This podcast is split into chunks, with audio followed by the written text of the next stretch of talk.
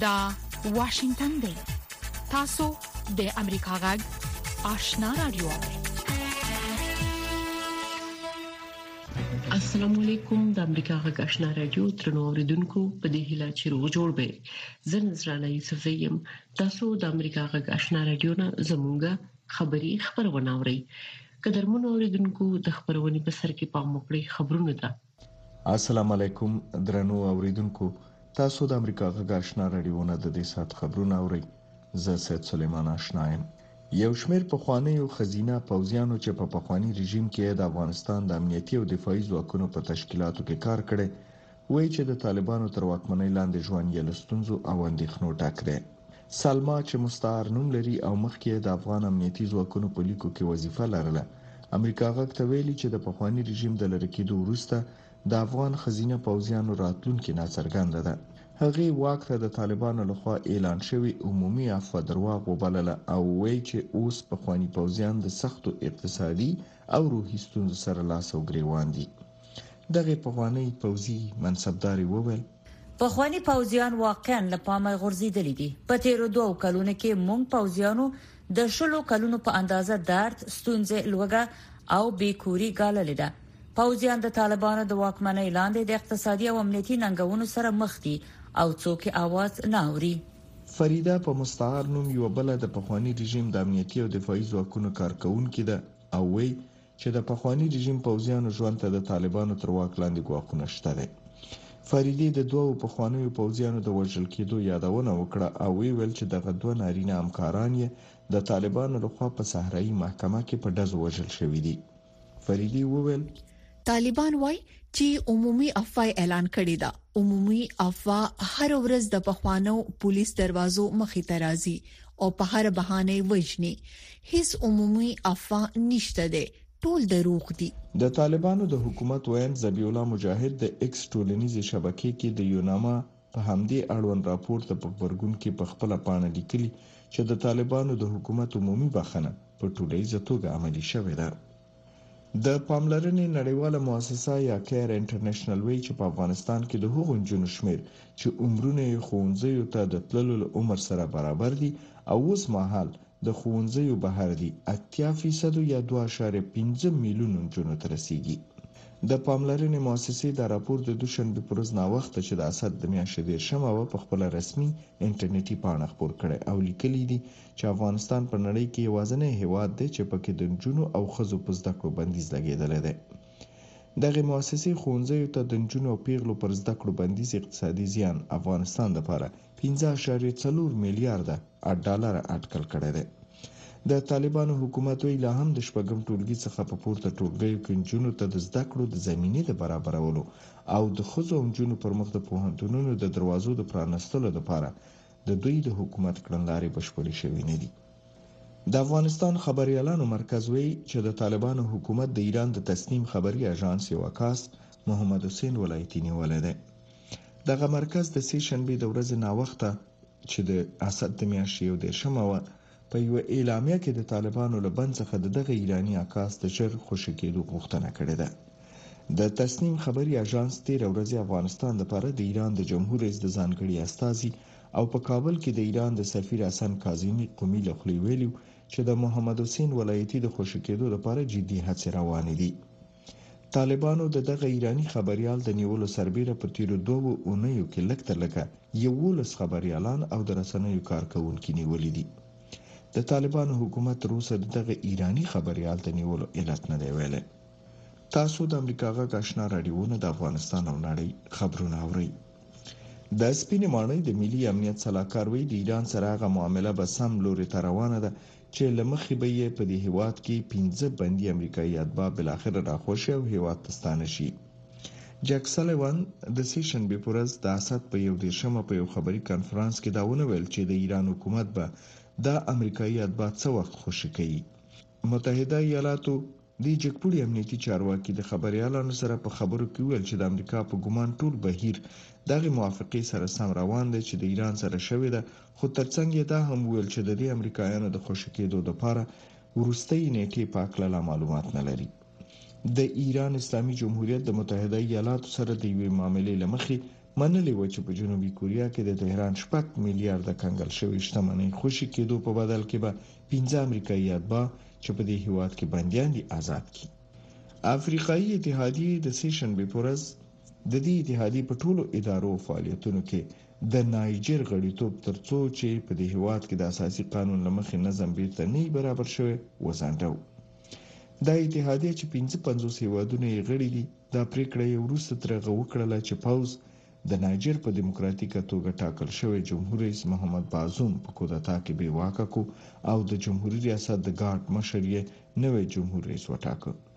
په خپله جمهور رئیس بازوم میرمن او زوی یې په پایتخت نیامي کې په کور کې نظر بند دي. افریقایي اتحادیې د خپلو ټولو غړو هېوادونو او نړیوالې ټولنې غوښتي چې په نایجر کې د اساسي قانون خلاف د حکومت بدلون دې نه مني او هېڅ داسې اقدام دې نه کوي چې له مخې یې په دې هېواد کې په غیر قانوني توګه راغلی حکومت ته مشروعیت ورکړل شي او پاکستانۍ روپۍ ارزښت نن نور هم ولوېد. په پاکستان کې په انټر بانک مارکیټ کې نن چهارشنبه د پاکستاني روپۍ بیه 0.15 فیصد راکمه شوه او یو امریکایي ډالر په 299.15 روپۍ بدلیدو تیر ورځ په انټر بانک مارکیټ کې یو ډالر په 299 روپۍ د محلي راپورونو د مخې په آزاد بازار کې د یو امریکایي ډالر بیه 306 روپو ته رسیدلې ده دا و د دې سات خبرونه د امریکا غږشنا رادیو ترنو اوریدونکو تاسو خبرونه واوریدل په موکړی زمونږه د خبرونې لومړی رپورت ده یو شمېر پخواني پوځیان یې چې په پخواني رژیم کې د افغانستان په امنیتي او دفاعي ځواکونو تشکیلاتو کې کار کاوه وايي چې د اقتصادي ستونزو او د امنیتي ګواښونو سره مخ دي دغه میرمنو دوو افغان بنسټونو سره په مرکو کې ویلي چې په تیرو دوو کلونو کې ډېری ستونزې ګاللي نور تفصيل د اکرام شینواری په رپورټ کې. یو شمېر پخوانیو ښځینه پوځیانو او پولیسو چې په پخواني رژیم کې د افغانستان د امنیتي ځواکونو په تشکیلاتو کې کار کړی وایي چې د طالبان تر واکمنۍ لاندې ژوند یې له ستونزو او اندېښنو ډک دی د سلما په نوم یو مېرمنې چې د مخې د افغان امنیتي ځواکونو په لیکو کې دنده ترسره کوله امریکا غږ ته ویل چې پخوانی رژیم د ړنګېدو وروسته د افغان ښځینه پوځیانو راتلونکې ناڅرګنده ده هغه د طالبانو له خوا د اعلان شوي عمومي اپې ته په اشارې وویل چې طالبانو په ژمنه عمل نه دی کړی. از جامعه جهانی و نهادهای بینالمللی تقاضامند هستیم که نباید نظامیان پیشین تنها گذاشته شود و باید به جنایات ضد بشری علیه نظامیان پیشین در افغانستان پایان داده شود. د دغو میرمنو په وینا چې په پخواني رژیم کې د افغانستان په امنیتي او دفاعي ځواکونو کې کار کړی، اوس د اقتصادي ستونزو سره مخ دي په داسې حال کې چې د دغو خزینه پوځیانو اکثریت د خپل کورنۍ لپاره د روزي ګټونکي دي د پریدي په نوم یو بل د پخوانی رژیم د امنیتي او دفاعي ځواکونو کارکونکو امریکا غږ ته ویل چې افغانستان کې واک ته طالبانو د رسیدو وروسته د پخوانی رژیم پوځیانو امنیتي ستونزې ډېرې شوي او ژوند یې له کړاوونو ډک شوی دی دغه پخواني پوځي کارکوونکي ویل چې نړیواله ټولنه ملګري ملتونه او ستر نړیوال کوتنه دي طالبان ته مالي او سیاسي ملاتړ برابر نه کی د خبرو په میز دی وسره کیننی او په رسمیت دی ونه پیژني اگر طالبان مګه که ما عفو عمومی کدن کدام عفو عمومی کدام عفو عمومی هر روز هر روز پلیس ها را دام دروازه شما اونا رو میکشه در هر گوشه کنه به هر بهانه اونا رو میکشه هیچ هیچ هیچ حرف عمومي نیست. په عین حال کې د پخوانیو پوځیانو د ملاتړ یوې کمېټې او د ارغواني شنبې د ورځو د ښځو خوځښت په یو ګډ راپور کې د پخواني امنیتي ځواکونو د یو شمېر ښځینه کارکوونکو سره خبرې کړي او په راپور کې د هغوی د ژوند بېلابېل اړخونه څېړلي دي. د ارغواني شنبې د ورځو د ښځو خوځښت مشرې مېرمن مریم ماروف اروین امریکا غږ ته وویل چې له دوه کلونو څخه زیاته موده کېږي چې پخوانیو پوځیانو وضعیت ته هېڅ پاملرنه نه ده شوې او دغه کمېټه د ارغواني شنبې د ورځو د ښځو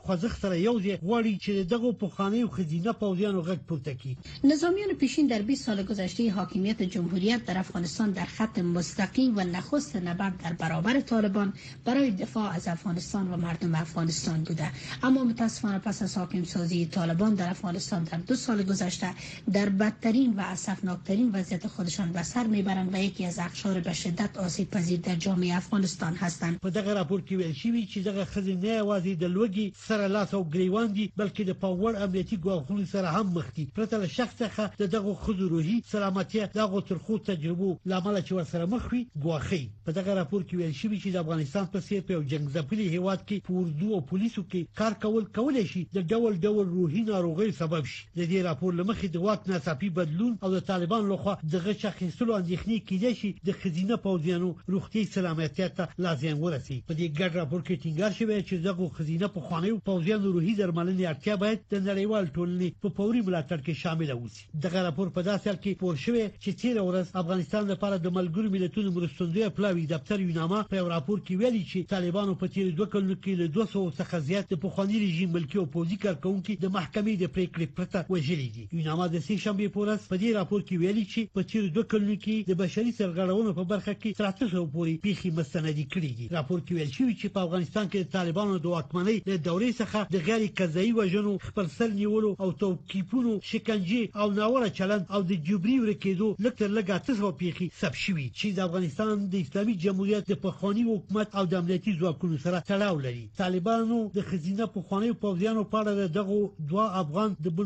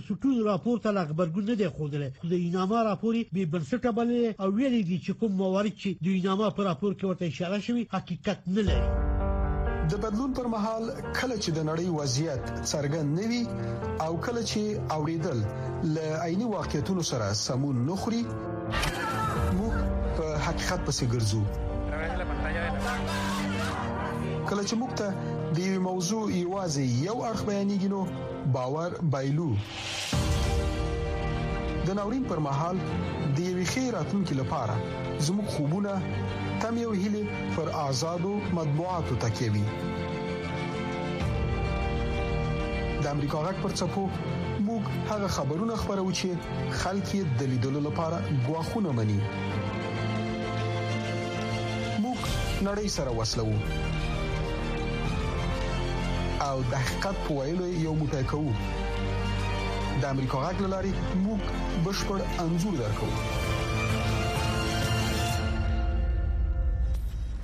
په افغانستان کې د جنو په زده کړو د بندیز د ټولو ننګونو سره سره ځینې جونې په دې بریالي شوې چې د زده کړو لپاره لارې چارې پیدا کړي د پاملرنې نړیوال بنسټ په خپل نوي رپورت کې لیکلي چې په افغانستان کې په سلو کې اتیا جونې چې د زده کړو حق لري او شمیر 2.5 میلیون تر رسیدي لیک لوسته نه پرېښودل کیږي دغه بنسټ زیاتوي چې د شلن نجونې چې شمیر یو میلیون تر رسیدي حتی لومړني زده کړو ته هم لاسرسي نه لري د پاملرنې نړیوال بنسټ په خپل نوي رپور کې لیکلي چې په افغانستان کې زده کړې په ټولو کې د کوچنیانو لپاره او په ځانګړي ډول د نجونو لپاره تر ټولو لوی ننګونه ده دغه ټولنه زیاتوي چې په افغانستان کې وروستۍ ناخوالې د دې لامل شوي چې په پراخه کچه کوچنیان له زده کړو بې برخې شي. په راپور کې دا هم راغلي دي چې افغانستان په نړۍ کې یوازینی داسې هیواد دی چې نجونې پکې له زده کړو ګرځول شوي. په سلو کې اتیا نجونې او ځوانې ښځې چې د زده کړو مستحق دي او شمیر یې 2.5 میلیونو ته رسیږي لیک لوست نشي کولای او په سلو کې ډیر شنوري هغه چې شمیر یو میلیون ته رسیدي لومړنۍ زده کړې هم نشي کولای د پاملرنې مؤسسې په وینا په 2022 کال په دسمبر کې په دولتي او خصوصي تعلیمي مؤسسو کې د نجونو په زده کړو بندیز سره لسلو زرو څخه ډیر نجونې اغیزمنې شوې دي طالب چارواکي په خپل ویناو کې د نجونو زده کړو او مرمنو حقوقو ته ځان ژمن بولي موږ دا خبر کوو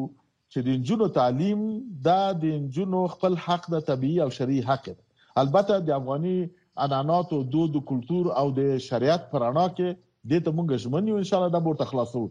خو د میرمنو او نجونو د حقونو فعالان د طالبانو چارواکو دغه څرګندونو ته د شک په سترګه ګوري او وایي چې دوی باید د څرګندونو پر ځای عملی ګامونه پورته کړي مشکل دا دی چې کله د مشرانو سره مرکې کېږي او یا هم رسنۍ او یا هم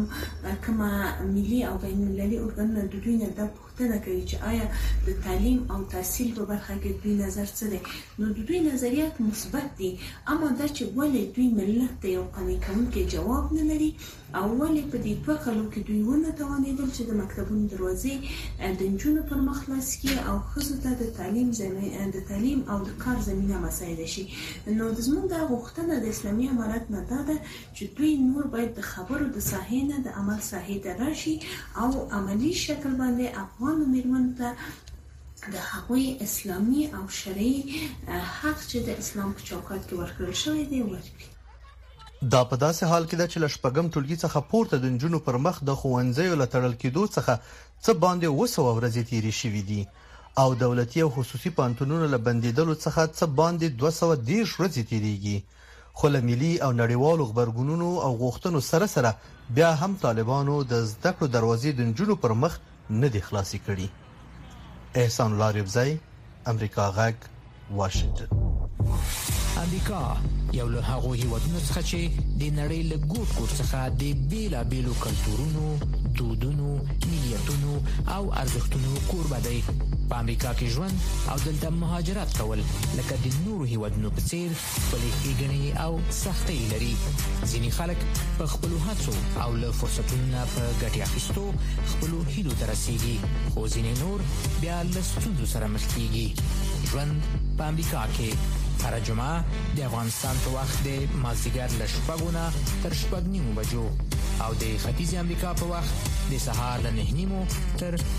لسو بجو وچه او تازه میوه د افغانستان د صادراتو مهمه برخه ده افغان پنګوال د ګمرکي تعرفو د کمولو غوښتنه کوي طالب چارواکي د ستونزو د حل ترڅنګ وایي چې په تیرو سلورو میاشتو کې 3 میلیون ډالر په ارزښت تازه میوه د سیمې او نړۍ هوادونو ته صادري کړي نور حال د شمساریان پر رپورت کې په افغانستان کې روان اقتصادي کړکېچ د ټولنې هره برخه زیانمنه کړې ده. د ملګرو ملتونو د روان کال د اپریل میاشتې په راپور کې راغلي دي چې په افغانستان کې 15 اتیا سلنه خلک د فقر تر کرښې لاندې ژوند کوي خو په دغه کړکېچن حالت کې بیا هم د خلکو امید د افغانستان زراعت او په زراعت کې د میوجاتو حاصل او صادراتو ته دی که څه هم ځینې افغان پانګوال د سږکال له فصلونو او د ګمرک د اداري پروسیجر څخه خوښ ښکاري خو د دوی په خبره چې د ځینو لویو لارو ویجاړ حالت یې د کاروبار مخه تر یوه حده ور ډب کړې ده. د افغانستان انټرنیشنل تجارتي شرکت مسول امرالدین سانګزي د افغانستان پر وچه او لنده میوه د تعرفو د معافیت او کمولو خبره کوي. دغه تاجران چې دوی ضرورت لری دغسی یو حمایه ته چه هغه د حکومت یوه دنده بلل کیږی حمایه یی کاندی په څنګ د دی کی هغه بعضی ټکسونه چه په وچ میوه کی راځی یا په لمده میوه کی چه هغه باید وانخلی او یا یی هم مقدار یا مبلغ یی راکم کاندی او په څنګ د دی کی بعضی مسیرونه دی چه موږ مشکل لرو شاهراوی دی سرطخانی دی چه دا موږ ته جوړی کی مسیرونه دی چه دا موږ ته پرانیزی که څه هم افغان پانګوالو همېشه د ګمرکي تعرفو او ټکسونو له لوړوالي څخه سر ټکولی دی، خو بل خوا بیا د طالبانو د سوداګرۍ او صنایعو چارو وزارت مسؤلین د مشکلاتو د حل تر څنګ زیاتوي چې په تېرو څلورو میاشتو کې یې د درویشت میلیونه ډالرو په ارزښت تازه مېوه د سیمې د هېوادونو تر څنګ اروپا او د امریکا متحده ایالتونو ته صادره کړې ده. در جریان چهار ماه گذشته صادرات میوه های تازه به کشورهای مختلف جریان داشته که بیشترین میوه های صادر شده از کشور مانند زردالو، انگور، سیب، انواع آلوها، انجیر تازه، تربوز، خربوزه، توت زمینی و کیوی به ارزش 23 میلیون دلار به کشورهای هندوستان، پاکستان، تاجیکستان، ترکیه، امارات متحده عربی، اتریش، هالند، کانادا و ایالات متحده امریکا صورت گرفته است. په افغانستان کې د زراعتي تجارت د ملا تیر افغان کروندګر ګڼل کیږي عبدالمعروف چې په پغمان ولسوالۍ کې په بزګرۍ بوخت دی د نورو ستونزو ترڅنګ یې طبیعي آفتونو او وچکالۍ هم د حاصلاتو ګټه زیانمنه کړې ده والا نظر به پاس فصل خوب بود خو تاوان کردیم تاوان به ای کردیم که فصل خوب بود فصل جاله زد دیگه مرض کرد زیاف مرض کرد نظر به پار سال امسال خوبتر بود فصل خو امسال فصل به ای خراب شد که مرض کرد بسیار میریزه سیب است مثلا آلو بود زردالو بود چیزایی که در باغ بود تماما شه مرض خراب کرد افغانستان تر ډېره پر مصرفي اقتصاد ولاړ هېواد یادېږي، خو د صادراتو زیاته برخه یې وچه او تازه مېوه ده. د اقتصادي چارو د شنونکو په باور که د کروندګرو ملاتړ او د پانګوالو سره د ګمرکي تعرفو په برخه کې مرستې وشي، زیات امکان لري چې رواني اقتصادي ناورین راکم شي. شمساریل امریکا ژړه. طالبانو د افغانستان له دننه د امریکا غږ راډیو خبرونه درولې دي. خو امریکا غږ په پوره ژمنتیا خپل افغان اوریدونکو ته په پښتو او دری ژبو د کره باوري او هر اړخیزو خبرونو په خبرولو د افغانستان له بهره پر 902 کیلو هرتز منځنوي سپو خپل خبرونه ته دوام ورکړي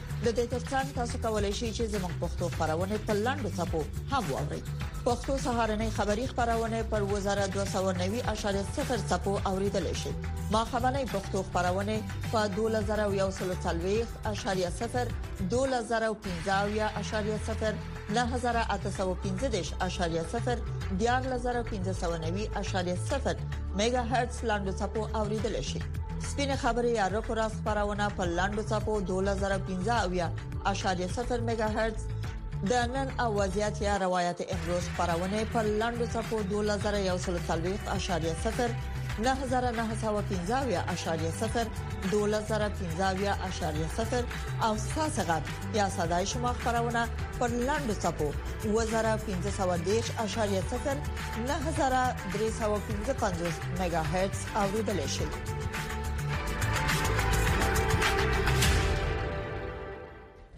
په متحده ایالاتو کې د 2023م ولسمشریزو ټاکنو کمپاین لومړی لوی پیخه پرون وشوه کله چې د جمهوریت غوښتونکو ګوند نوماندانو د مناظرې په مرحله کې سره راټول شول نور حال په دې رپورت کې کله چې نن د جمهوریت غوښتونکو ګوند کاندیدان د ملواکی په ښار کې د مناظرې لپاره ټولېږي نو د ګوند مخکخ کاندید او په خوانی ولسمشر ډونالد ټرمپ وایي چې هغه به لدوی سره په مناظره کې ګډون نه کوي د ګډون کوونکو څخه یوازې یو د نیوجرسي پخوانی والي کریس کریسټي پر ټرمپ نیوکې کوي او نور لکه د فلوریدا والي رون ډیسانټس او د سویلي کیرولینا پخوانی والي نیکی هیلی یو ډیر محتاط چلند غوړه کړي دوی هیله کوي چې په ګوند کې ښاغلي ټرمپ ته وفادار غړي په دې قانع کړي چې دوی کولای شي د پخواني ولسمشر ښه اړخ، امریکا به یو ځل بیا لوی کوو ایجنډا، په مخ کې بوځي. بیا د ټرمپ پخوانی مرستیال مایک پنس دی چې د دوه زره شلم ټاکنو پایلو د خپل رسمي تصدیق دفاع کوي. د ميري واشنګټن پوهنتون د سياسي علومو پروفيسور سټيفن فانسورت وايي چې که په مناظره کې ټرمپ نه وي خو بيا هم زياتره خبره به د هغه په اړه کيږي. دا د نورو جمهوریت غوښتونکو لپاره خورا ستونزمن حالت رامنځته کوي ځکه چې دوی د لوی مسئلو لکه اقتصاد، اوکراین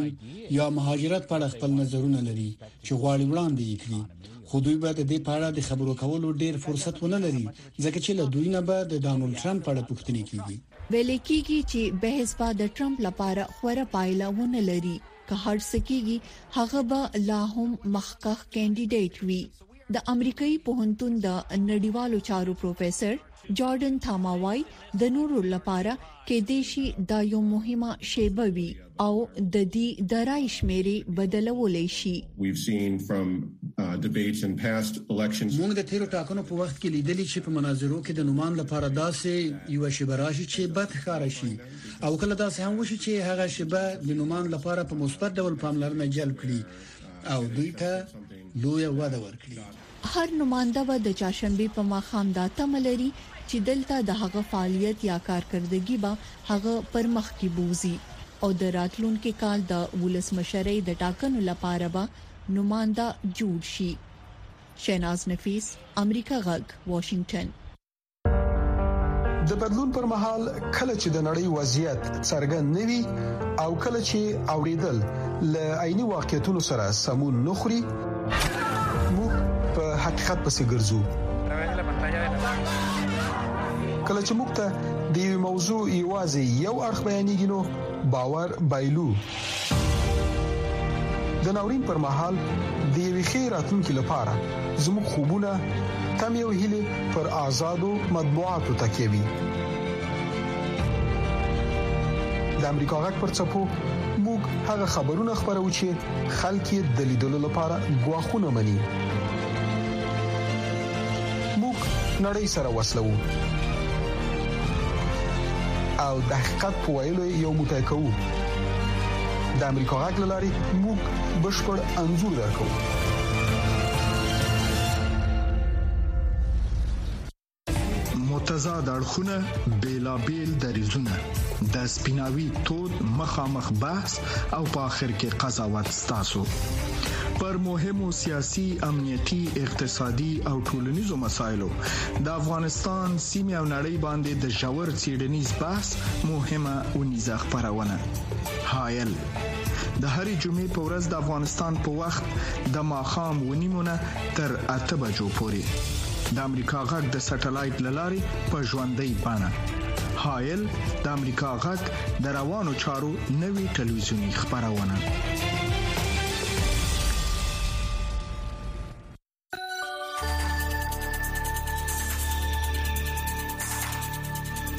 درنو اوریدونکو دا د امریکا غږ سر مقاله ده چې د امریکا د حکومت نظر څرګندوي د روسي جمهور رئیس ولادیمیر پوتین د جولای د میاشتې په 18 نیټه د تورې بحیرې د غلې له پروګرام نه اوت چې اوکران په دې قادروي چې خپل د تورې بحیرې د بندرونو له لارې خپل ناکاړول شوی کرغنیز تولیدات په کشتو کې واستوي د موافقې د یو برخې په خاص د ملګرو ملتونو مامورانو موافقه وکړه چې د روسیې سره په خپل خوړو او کیمیاوي سره په صادراتو سره مرسته وکړي د خپلې پرېکړې په توجیه کولو سره پوتین ادعا کوي چې د دغې ژمنې په باره کې د لویدیځ تقصیر دی مګر د بهرنیو چارو د وزارت د بندیزونو د دفتر مشر جیمز اوبراین ویلي د روسي د دلیل سره ستونزه ده روسیه د ریکارډ په اندازه غله صادروي، په دغه تېر کال کې د روسیې د غلې اتحادیې وویلې د غلې صادرات یې یو شپېته اعشاریه اته میلیونو ټنو ته رسېدلي وو چې زه په دې عقیده یم چې د هر مخکني کال په نسبت د لسو نه تر پنځلسو کالو پورې د لسو نه تر پنځلسو پنځلسو فیصدو پورې لوړ و، ځکه نو که د نړۍ اندازه خواړه وي، په هغه صورت کې هغه پراسس چې موږ د ملګرو ملتونو او ترکیې سره په غاړه اخلو چې د روسیې د صادراتو سره مرسته وکړي، کار ورکوي او روسیه د اندازې په باره کې شکایت کوي چې هغه د داسې یو سیستم په باره کې یوه وړه ادعا ده چې ډېر ښه کار ورکوي. سفیر اوبراین وویل، په اضافي توګه روسیې د بندیزونو په باره کې تبصرې وکړې. زه باید ټینګار وکړم، امریکا د روسیې د خوړو او کیمیاوي سرې په باره کې بندیزونه نه دي لګولي، ځکه نو واقعاً څه روان دي؟ سفیر اوبراین پیشنهاد وکړ، هدف دا دی چې د موجوده خوړو او کیمیاوي سرې اندازه کمه شي، په نامحدوده توګه قیامتونه لوړیږي او روسیا د خپل ځینو غوښتنو ته پام راواړوي له اوکرين نه تقریبا 10% د غلي ځینی ډولونه نړیوالو مارکیټونو ته داخليږي دا د نړۍ د خوړو پروګرام نیمایي خواړه د نړۍ ډیرو نسمنو هیوادونو ته برابروي په اوکرين باندې د روسي لېرغل نورسته دغه صادرات په ټپه ودرېدل او قامتونه یې لوړ ولاړل، مګر د تورې بحیرې د غلې د پروګرام د موافقې په لاسلیک کولو سره قیامتونه بیا راټیټ شولو، ځکه نو دغه وضع وه، سفیر اوبراین وویلي، روسیې پرېکړه وکړه چې دغه شیان کوي، روسیې دغه پروګرام. روسیې د غلې پروګرام ختم کړ. د اوکراین د بندرونو نه د کښتیو وتل بندول اعلان کړل چې دا به داسې وګڼل شي چې هره کښتۍ به چې اوکراین ته نوځي او وځي د نظامی اقداماتو په حیث به وګڼل شي او د د خوړو د ذخیرو په مرکزونو باندې بمباري هم پیل کړه ځکه نو سفیر اوبران ویلي د هغه څه دي چې روسیه کوي په نتیجه کې نه یوازې د خوړو د اندازې کمول دي مګر په اساسي توګه قیامتونه پورته ولاړل سره له دې د ویلې زه خوشبینه یم چې د اوکراین غلبه بینالمللي مارکیټونو ته ورسیږي دا به زموږ لپاره یو څه وخت ونیسي په دې کې به یو څه قیامتونه داخل وي مګر موږ روسي ته اجازه نه ورکوو چې په تور بهیره باندې خپل خپه کوونکې قبضه ولري. درنو اوریدونکو دا و د امریکا غږ سر مقاله چې د امریکا د حکومت نظر څرګند قدرمن اوریدونکو تاسو د امریکا غږ آشنا رادیو نه زموږه خبری خبرونه واوریده موږ تاسو ته په دې هیله اجازه غواړو چې خبرونه به اوریدلې وي د خوده په